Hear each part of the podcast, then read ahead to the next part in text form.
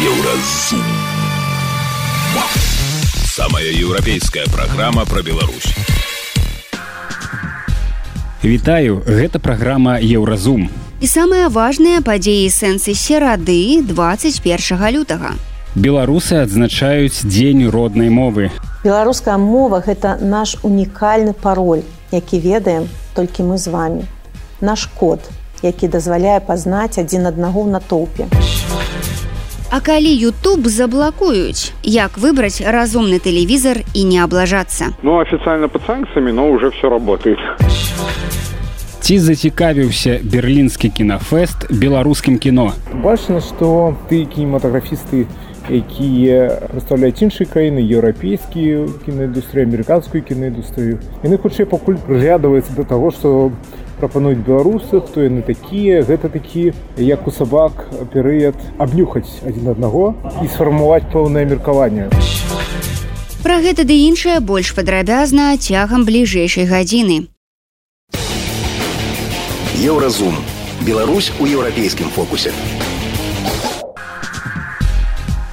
21 лютага ў свеце адзначаецца дзень роднай мовы. У Беларусі дзяржаўнымі з'яўляюцца беларуская і руская. І, напрыклад, паводле апошняй праўладнай апытанкі моладзі больш за 90соткаў студэнтаў лічаць роднай менавіта беларускую мову. Але нягледзячы на гэта беларуская мова амаль выціснутая з публічнай прасторы, а людзі, якія размаўляюць па-беларуску, цяперашняй Беларусі падвяргаюцца дыскрымінацыі. Затрымаць экскурсавода за тое, што вёў экскурсію па-беларуску лёгка. Забараніць кнігі Владзіміра Караткевіча, які пісаў на матчынай мове, чаму б не. Аб'явіць экстрэміскімі незалежныя беларускамоўныя медыя, дык калі ласка. Размаўляеш па-беларуску ў турме, марш у сеза. І гэта не ідэі для фільмаў Нетфлікса, а сумная беларуская рэчаіснасць. Да людзей, якія любяць і размаўляюць народнай мове ў прарасійскай лукашэнкаўскай беларусі ставяцца з падазрэннем. Размаўляйце па-нармальнаму класіка, якую можна пачуць у крамах, бальніцах ды судах. Беларуская мова унесеная ў спіс моваў ЮНЕСКА, якім пагражае вынішчэнне. Чаму так адбылося? тлумачыць блогер Конан у. Гэта наступствы свядомай дзяржаўнай палітыкі палітыкі скіраванай на вынішчэнне матчынага слова з усіх сфераў жыцця. Только идиот в Беларуси может отказаться от русского языка.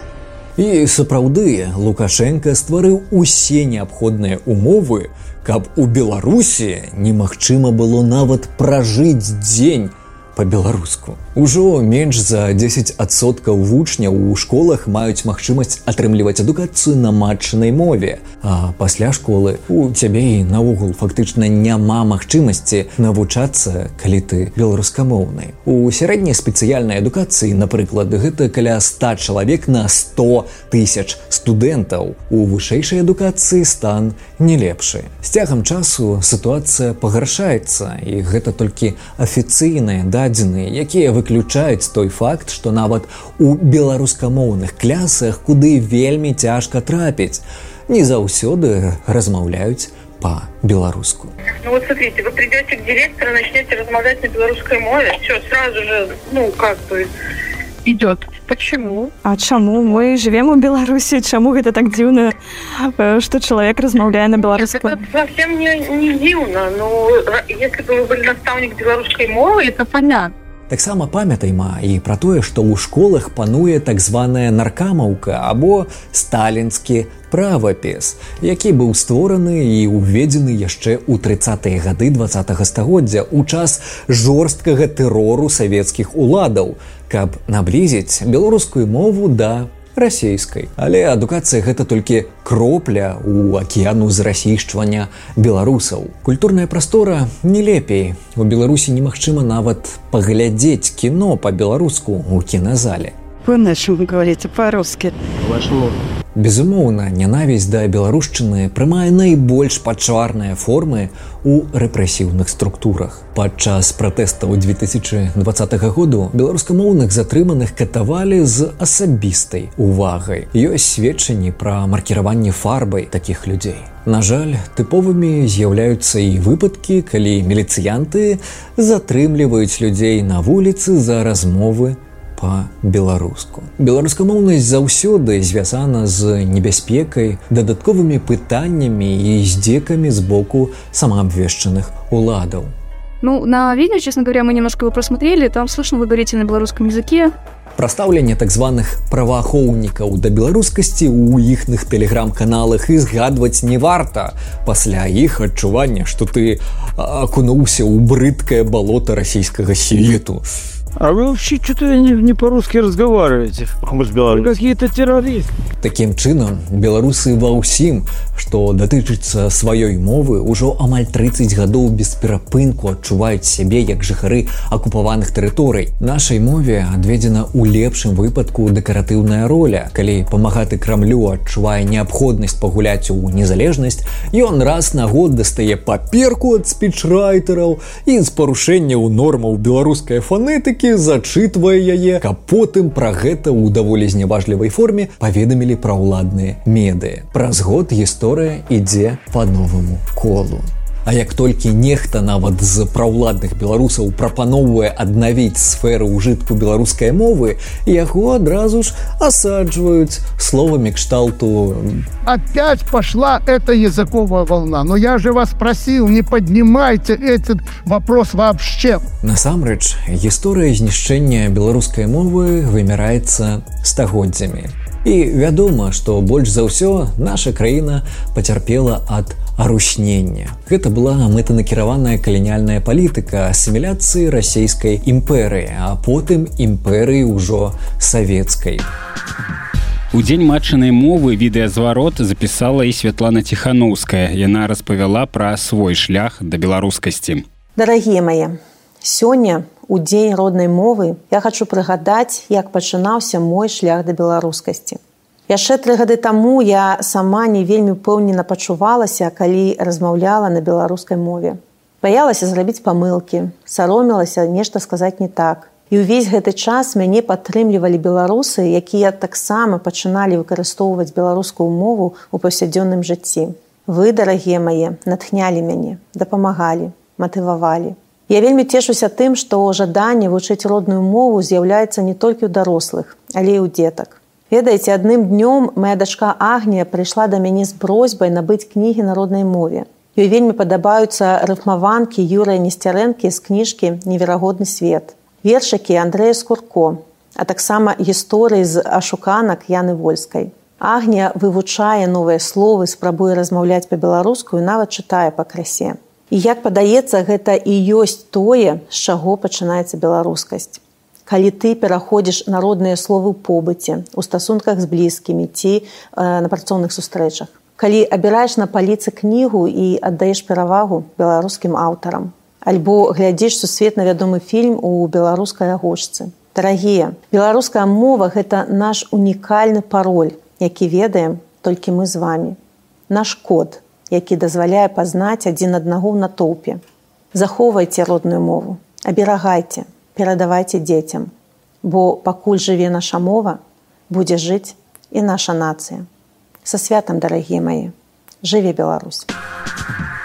Светлана мае рацыю, ці выжыве беларуская мова, ці будуць на ёй размаўляць нашы дзеці і ўнукі залежыць толькі ад нас саміх. Бо якая ж мы нацыя, якія ж мы беларусы, калі размаўляем па-расійску, а сваёй мелагучнай, унікальнай і прыгожай мовы цураемся. Ну і наконец сёння беларускі паэт мікіта найдзёнаў і музыка зміцер никанович выпусцілі кавер на let сноу упершыню гэтая знакамітая песня гучыць по-беларуску і набывае новыя сэнсы. Бо чым далей ад дому тым часей усё рыфмуецца з радзімай. А мы працягваем жыць несці ў сэрцы і свой страчаны дом і сваю родную мову кажуць аўтары рэмейка і перад тым як мы паслухаем трек адкажыце сабе на пытанне якое любімае любимое слово народной мове у вас. Маё апантанасць а маё марнаваць то бок не марнуем час а слухаем песню.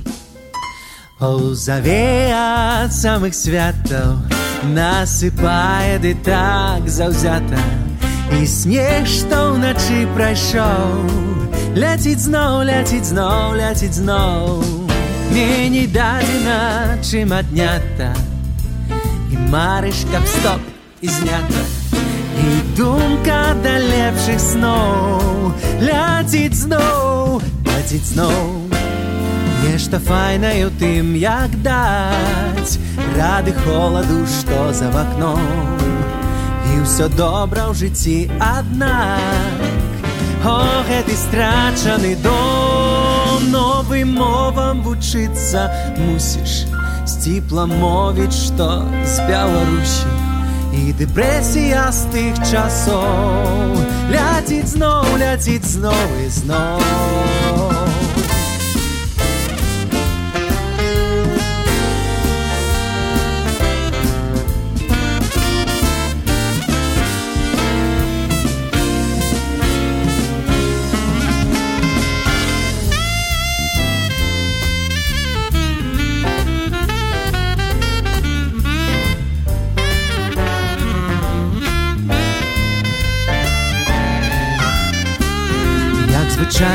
Эскіз яднаць можа столькі людзей гадоў. І ўсё добра ў жыцці адна. О гэты страчаны дом. Хай сувора вакол і зімна але ў сэрцы адна радзіма. І з табой аж да палюсоў. Ляціць зноў ляціць зноў ляціць зноў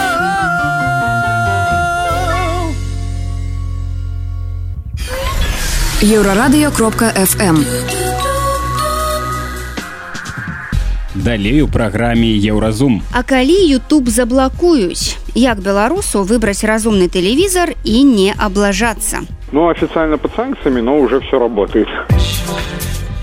Ці зацікавіўся берлінскі кінафест беларускім кіно? Бачна што ты кінематаграфісты якія прадстаўляюць іншыя краіны еўрапейскія кінаіндустрыі амерыканскую кінаіндустрыю яны хутчэй пакуль прыглядваюцца да таго што прапануюць беларусы хто яны такія гэта такі як у сабак перыяд абнюхаць адзін аднаго і сфармаваць пэўнае меркаванне сустрэнемся пасля навінаў спорту Еўразум. Беларусь у еўрапейскім фокусе.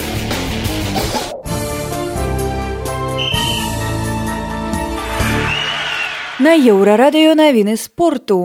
Беларускі брамнік Антон Чычкан стаў гульцом футбольнай кракаўскай віслы, якая выступае ў другім польскім дывізіёне, займае чацвёртае месца. Чычкану 28 гадоў мінулы сезон ён правіў у Грузіі, дзе выступаў за дынама з батумі і ў яго складзе стаў чэмпіёнам краіны. Прайшлі чарговы матч адной восьмай фіналу футбольнай лігі чэмпіёнаў. Інтер выйграў у атлетыка 1-0, а ПСВ згуляў у нічыю 1-1 з дортмундскай барусіяй. Гульні ў адказ прызначаныя на 13 сакавіка. У чвэрцьфінале чэмпіянату свету па пляжным футболе зборная беларусі згуляе з партугаліяй матч прызначаны на чацвер у сваёй групе беларусы выйгралі ўсе тры матчы і занялі першае месца стаў вядомы пераможца еўрапейскай хакейнай лігі чэмпіёнаў. У рашаючым паядынку швейцарскі клуб жэнева сервет выйграў у каманды шыліфтэа са швецыі 32 для швейцарыі гэта першы поспех хакеістаў у лізе чэмпіёнаў. У КХЛ датэрмінова вызначыліся ўсе 16 удзельнікаў кубка гагарына. Плэй-офф стартуе ў апошні дзень зімы, а пакуль каманды дагульваюць апошнія матчы рэгулярнага чэмпіянату. Мінская дынама абыграла нафтахімік 2-1. Перад чэмпіянатам свету па сінхронным плаванні ў катары беларускую спартсменку васіліну хандошка прымусілі замяніць чырвоны купальнік. Беларусаў дапусцілі ў нейтральным статусе, а на купальніку арганізатары пабачылі адзін з колераў дзяржаўнага сцяга Беларусі, які дэманстраваць забаронена. Хандошка патрабаванне выканала і заваявала на першынстве бронзу. Гэта былі навіны спорту на еўрарадыё. Заставайцеся з намі. Еўрарадыё. Моц настрою. Па тэлевізары ўжо даўно можна глядзець не толькі Беларусь адзін або РТР Беларусь. Разумныя тэлікі сёння каштуюць разумных грошай. І замест клуба рэдактараў дазваляюць бавіць вечары, гледзячы YouTube серыялы на Netflix або Amazon ці за праглядам сусветных навін праз дадаткі CNN ды іншых медыя. Але нават калі тэлек стары і зусім не смарт, яго можна лёгка абнавіць, набыўшы спецыяльную прыстаўку. Другое рашэнне куды больш простае і танней таннейшыя чым напрыклад спадарожнікавыя талеркі і ўжо на праўду менш прыкметныя сёння каб павесіць талерку патрэбны дазвол выканкама інакш могуць з'явіцца пытаннічкі хоць яны могуць з'явіцца і з дазволам мы ж у беларусі а са смарт тв такога не будзе Як выбраць разумны тэлевізор і не памыліцца еўрарадыё разабралася ў пытанні для тых хто хоча самастойна абіраць што глядзець у беларусі падрабязней у нашым рэпартажы На выпадак, калі тэлевізор не падтрымлівае смарт-TV, распрацоўшчыкі некаторых АС прыдумалі прыстаўкі. Яны падключаюцца да тэлевізараў, якія маюць HDMI альбо авіраздым і ператворваюць іх у сучасныя прылады з выхадам у інтэрнэт. У продажы ў беларускіх крамах на выбар ёсць некалькі мадэляў прыставак з АС ад Android TV і Google TV. Прыставак ад Тайзен і WebOS няма. Прыстаўкі на Google TV прапануе кампанія Xiaomi. Цэны на іх стартуюць ад 269 рублёў. З Android TV можна купіць бюджэтныя прыстаўкі фірмы міру ад 179 до 259 рублёў. Кансультат крамы бытавой тэхнікі расказаў журналісту еўрарадыё, які звярнуўся пад выглядам пакупніка, што смарт-прыстаўкі ўжо не такія папулярныя. Тумарно покупаюцца мало, честно говоря. Вот, вот в чем вопрос, да они особо мало покупаются. Ну, вообще, и про Android, и про Google, я это имею в виду. Вообще, сами общие понятия, они вообще покупаются довольно мало. Потому что сейчас у всех ТВ есть своя смарт-система. Как бы так, да. Сейчас приставки мало в обиходе, их мало кто покупает. Может, один человек за два месяца, и все максимально, как бы, да. Калі тэлевізору больше за 10 гадоў, раіць спецыяліст з іншай крамы, то лепш не купляць прыстаўку, а ўзяць новы тэлевізор з убудаванай смарт-сістэмай. По качеству они, в принципе, стали намного лучше, чем раньше были. И разрешение выросло, и подсветка стала лучше. Да, там все лучше стало. Вот. Ну и плюс э, уже все это сразу же встроено идет. Вот. Если ваш старый телевизор вас устраивает, можете, в принципе, спокойно покупать приставку и пользоваться ей. Ну, устаревать они, конечно, могут. Это, в принципе, то же самое, что и телефон. Раз в лет пять его, конечно, стоит менять. Што тычыцца адрозненняў у асноўных сістэмах разумных тэлевізараў, розніцы паміж Android TV і Google TV практычна няма. Обе мать каждый по-своему хороша. Тут, не знаю, то, что, то, что больше нравится самому человеку, то, что больше будете больше делать. Ну, как бы, и Google TV по-своему хороши, и хорошо также Android, как бы, да. Вопрос очень банально растяжимый, понимаете, как бы, ну да. Ну, это обычная оболочка, все, больше ничем. А конкретные нюансы вкратце вы просто будете, не знаю, мне кажется, особо в плане оформления будет система понятно, как бы делаете будет, как бы, ну, как я знаю, Google TV больше памяти оперативной съедает, чем Android TV, как я лично знаю, получается, вот, да. Ну, а так везде аккаунт один, и там, и там он подходит, как, ну, это у них все будет, что будет общее. Android TV и Google TV могуць быць прадстаўленыя тэлевізарамі розных вытворцаў. Адзін з супрацоўнікаў крамы параіў звярнуць увагу на фірму Philips або Sony, але апошняй няма ў продажы праз санкцыі. Яшчэ адна сістэма Тайзан ад Samsung на базе Linux разлічаная на тых, хто любіць гульні, У ёй ёсць свой браузер і крама дадаткаў. Кансультант звярнуў увагу, што тэлевізары гэтай аперацыйнай сістэмы ў Беларусі лепш купляць не старэйшая за 2023 год, Таму што большасць праграм у больш ранніх мадэлях будуць недаступныя. Ну единственное, что Тайзен надо смотреть с 23 года, потому что 22 год выпуска телевизора, 21 они под санкциями, и там еще там голосовая на английском, и некоторые приложения заблокированы. То есть если Тайзен, это только 23 год. Гэта значыць старыя тэлевізары знаходзяцца пад санкцыямі, а новыя не. Ну офіцыйна пад санкцыямі, но уже все работает. Адкуль у краме з'явіліся новыя падсанкцыйныя тэлевізары, ды яшчэ і з праграмамі, якія працуюць, супрацоўнік не ўдакладніў. Яшчэ адна папулярная аперацыйная сістэма на падставе Linux WebOS. Яна прызначаная для тэлевізараў LG. Работнік адной з крамы лічыць, што гэта адна з найлепшых смарт-сістэм, якая зараз ёсць на рынку.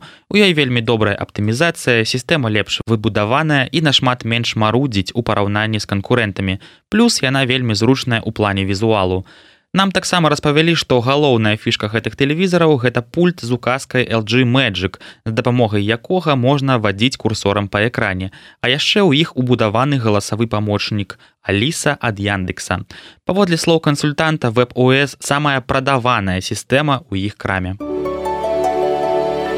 І апошняе пра што мы распавядзем гэта аперацыйная сістэма ад расійскага вытворцы Яндекс. Яна працуе на сістэме Android. Часцей за ўсё мадэлі з гэтай АС уваходзяць у катэгорыі бюджэтных телевизоров ну, тут сами телевизоры э, они достаточно слабенькие по процессору будут идти. У них единственный который это про модели которые более-менее адекватные именно по процессору по обработке видео. Э, то есть сами те, что у нас были, они достаточно тормозившие. Проблема самого Яндекса оболочки в том, что в нем нету магазина приложений как такового. То есть там только то, что установлено. Вот до недавнего времени там даже браузера нету, но сейчас они добавили, там, по-моему, три месяца назад Яндекс браузер.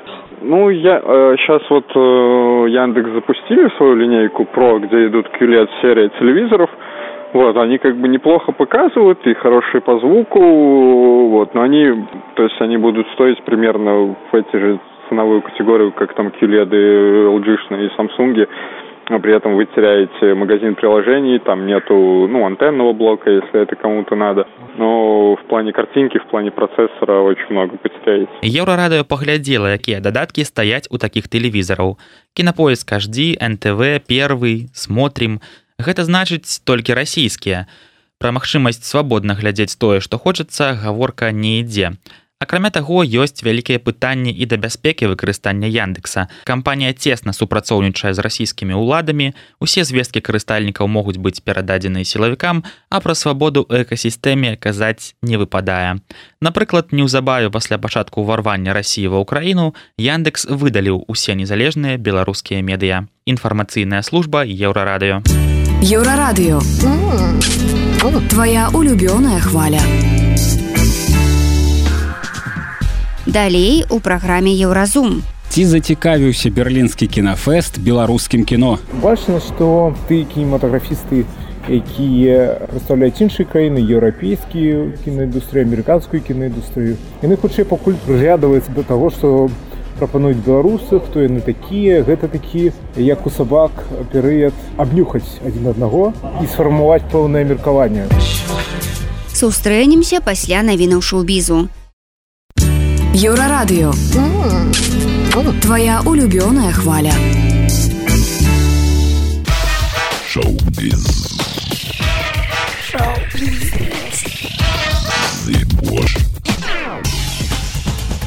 Вітаю гэта навіны шоу-бізу.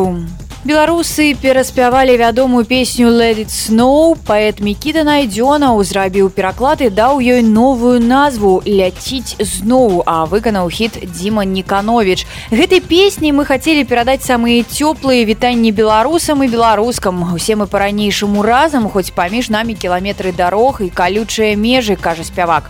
У кліпе зняліся журналісты і блогеры Александр Івулін, Ярослав Пісаренко, Макс Паршута, тиктокер Мікіта Бялевич, мастак Ярослаў Кірвель, фатограф Джоні Космік.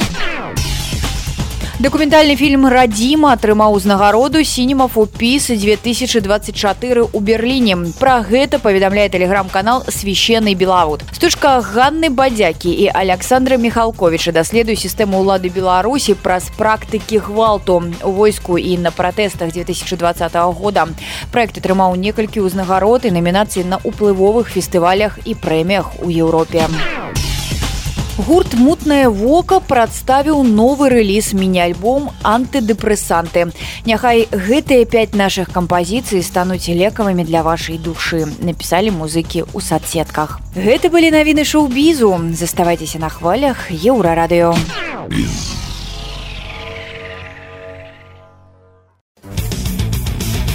Еўразум жыві ў рытме Еўропы. На мінулых выходных падчас берлінскага кінафестывалю раздавалі кінаўзнагароды за лепшае беларускае кіно 21 і 22 гадоў. Мерапрыемства называлася прэмія беларускіх кінакрытыкаў чырвоны верас, а пераможцамі сталі у тым ліку вядомыя ўсім аўтары, напрыклад, Алексей Палуян са сваім фільмам пра беларускія пратэсты смеласць, альбо Мікіта Лаўрэцкі са сваёй стужкай спатканне ў мінску. Адметна тое, што цырымонія ўручэння кінапрэміі адбылася ў межах еўрапейскага кінамаркета. Адпаведна на івент завіталі не толькі беларускія кінематаграфісты і крытыкі, але і людзі, якія маюць дачыненне да свету еўрапейскага кіно. Пасля падзей два -го года з нашай краіны з'ехалі сотні людзей звязаных з айчынным кінематографам. У эміграцыі яны стварылі некалькі структур, якія займаюцца пошукам грошай на беларускае кіно і яго інтэграцыяй у сусветныя кінапрацэсы. Адной з пляцовак, якая гасцінна прыняла беларускіх рэжысёраў, актораў, прадюсараў, стаў берлінскі кінафестываль. Найбуйнейшы кінафорум, фішка якога дэманстрацыя фільмаў з усяго свету, у тым ліку з краін былога ўсходняга блоку. Кінакрытыка, таксама журналіст еўрарадыё Тарас Тарналіцкі выйшаў з намі на сувязь з Берліну, акурат пасля прэс-канферэнцыі з Марцінам Скарсезе. Паслухаем пра яго ўражанні і адметнасць сёлетняга фэста. Адбыўся скандал з ультраправымі палітыкамі, якія таксама ўваходзяць у склад парламента. Вось іх запрасілі фактычна арганізатары фестывалю, ну паколькі яны запрашалі ўсіх дэпутатаў, то яны аўтаматычна запрасілі ультраправых, а ультраправыя ніяк не суадносяцца з тымі каштоўнасцямі, што ёсць і якія дэкларуе берерліналі, больш такі левы фестываль. На гэтай глебе ўзнік яшчэ перад самой падзеяй вось такі скандал. Таксама бачна, што берерліналі ў гэтым годзе не хапае ў яго такіх гучных прэм'ераў, не хапае яму часткова фінансавання. У яго змяняецца кіраўніцтва ў сэнсе дырэкцыі Карла Шатрыян былы арганізатар вось ён сыходзіць на яго месца прыходзіць менеджерка былая арганізатарка лондонскага кінафестывалю. Гэта можа дадасць берленалі новы імпульс для развіцця таму што ну, прынамсі я таксама вось хадзіў глядзеў фільмы не я не так шмат паглядзеў паколькі у меня былі свае справы. Але тое што я пабачыў сярод праграмы мяне не моцна ўразіла. Бок бачна што такіх гучных прэм'ераў бернале а гэта адзін з самых вялікіх і ўплывовых фестываляў заходняга свету прынамсі ў еўропе. Ну яму не, не хапае. Шмат амерыканскіх і еўрапейскіх актораў такой першай велічыні тут можна было пабачыць але яны ўсе прыязджалі безумоўна так па бізнес-справах прадстаўляць свае праекты тут быў себастьян стэн амерыканскі акторы які стаў знакаміты пасля удзелу у кінакоміксах марвал ён там прыязджаў з фільмам за different man дзе он граю галоўную ролю быў фільм таксама там пра ірландыю у якім грае кілян мёрфі прадюсірую яго Мэдэйму вось яны былі на галапрэм'еры. Таксама быў марцін скарцэзе які прадстаўляў фільм прадстаўляў адзін у якім ён быў як запрошаны такі наратар чытае тэкст. Так і атрымаў такого ганаровага мядзведзя за сваю фільмографію выхадзілі слухаць яго прэс-канферэнцыю дзе ён адказаў там на 5-6 пытанняў ад э, сМ была сершарона была крысцін сцюрат вось яны ўсе таксама актрысы акторы прыязджалі каб паказаць свае фільмы хто казаў скарсезен была невялікая прэс-канферэнцыя ён распавядаў хутчэй на такія агульныя пытанні пра мастацтва то зараз адбываецца з кінакрытыкай што адбываецца зараз з мастацкім кіно што ну, губляе сваю актуальнасць а як яго трэба захаваць то якія новыя фарматы платформы існуюць для апрасоўвання фільмаў. Ну то бок бачна што чалавек добра разбіраецца ў кіно ён ім цікавіцца яго гэта хвалюе. І нягледзячы на ўзрост яму 81 год у яго вельмі востры вум і пачуццё гумару. Ну то бок ён такі добры суразмоўца. Было прыемна яго паслухаць.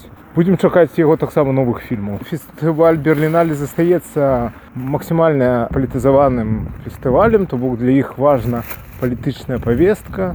І гэта было заўважна і я вось таксама трапіў на цырымонію узнагароджання Праўда і глядзеў э, па прамой трансляцыі там што так у зал там берлінале павас было не трапіць там трэба было атрымаць адмысловае запрашэнне мы глядзелі просто трансляцыю ў іншым кінотэатры і там вось запрошаныя людзі шмат казалі пра палітыку пра вайну на блізкім усходзе ізраілі і палестыны пра вайну рассіі украіны і падтрымлівалі ўкраіну то бок бачана што гэтыя тэмы з'яўляюцца важнымі не толькі для палітыкаў еўрапейскіх і нямецкіх агулаў, але і для ну, кінематаграфістаў, таму што гэта наўпрост уплывае на спажыванне контенту, на тэмы, якія застаюцца акту, больш актуальнымі для аўдыторыі. Ну то бок все было так вельмі вельмі актуальна адзінае што ніхто нічога не казаў пра смерць навальнага таму што на момант адкрыцця не было абвешана што ён памёр а калі ўжо гэта здарылася ну тут,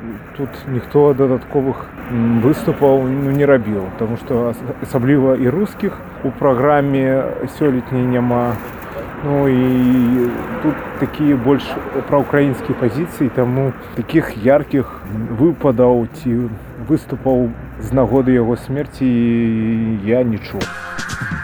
Наш суразмоўца Тарас Тарналіцкі, адзін з арганізатараў прэміі беларускіх кінакрытыкаў чырвоны верас. Вось што ён кажа пра цырымонію ўручэння гэтай прэміі. Всё прайшло вельмі добра. Я ну, амаль не чуў там дрэнных водгукаў. Все былі ўсцешаны, все былі пазітыўна настроены, всем все спадабалася. Я лічу, што падзея атрымалася спяховай. То бок уся праца, якую мы з маімі калегамі вялі, апошнія ну 10 полгода яна была вельмі плённай. Что тычыцца пра беларускае кіно тут цяжка штосьці казаць таму што быў пічынг праектаў агулам калі так казаць. І там былі прадстаўлены праекты. Ну бачна што ты кінематаграфісты якія прадстаўляюць іншыя краіны еўрапейскія кінаіндустрыі амерыканскую кінаіндустрыю. Яны хутчэй пакуль прыглядваюцца да таго што прапануюць беларусы хто яны такія. Гэта такі як у сабак перыяд абнюхаць адзін аднаго і сфармаваць пэўнае меркаванне. Пока адзінага меркавання не існуе таму што у нас таксама няма такога зразумелага статуса у Еўропе. У нас э, краіна зараз таксама акупавана прарасійскімі сіламі лукашэнкі. Все гэта нас падвешвае такі стан невызначнасці плюс канешне ты праекты нават што ёсць яны хутчэй за ўсё большасць гэтых праектаў не мае фінансавання падтрымкі ад дзяржавы. Яны шукаюць грошы ў іншых крыніцах.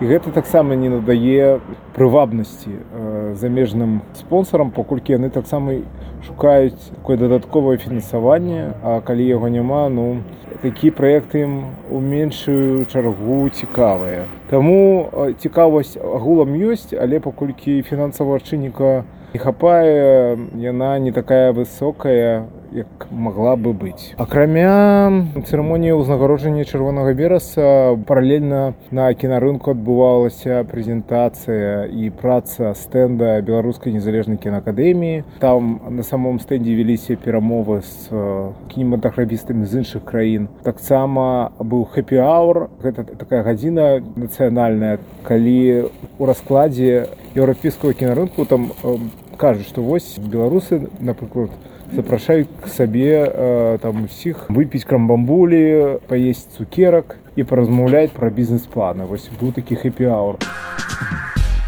Гэта быў кінакрытык Тарас Тарналіцкі. Ён распавёў пра тое, як у Берліне ўручылі ўзнагароды за беларускае кіно і якім быў 74 берерлінале. Еўрарадыё кропка FM. Гэта была праграма Еўразум, штодзённы інфармацыйны падкаст еўрарадыё. Кожны дзень мы распавядаем пра самыя галоўныя навіны Беларусі і свету. А сённяшні выпуск скончаны. Беражыце сябе. Пачуемся. Еўразум. Самая еўрапейская праграма пра Беларусь.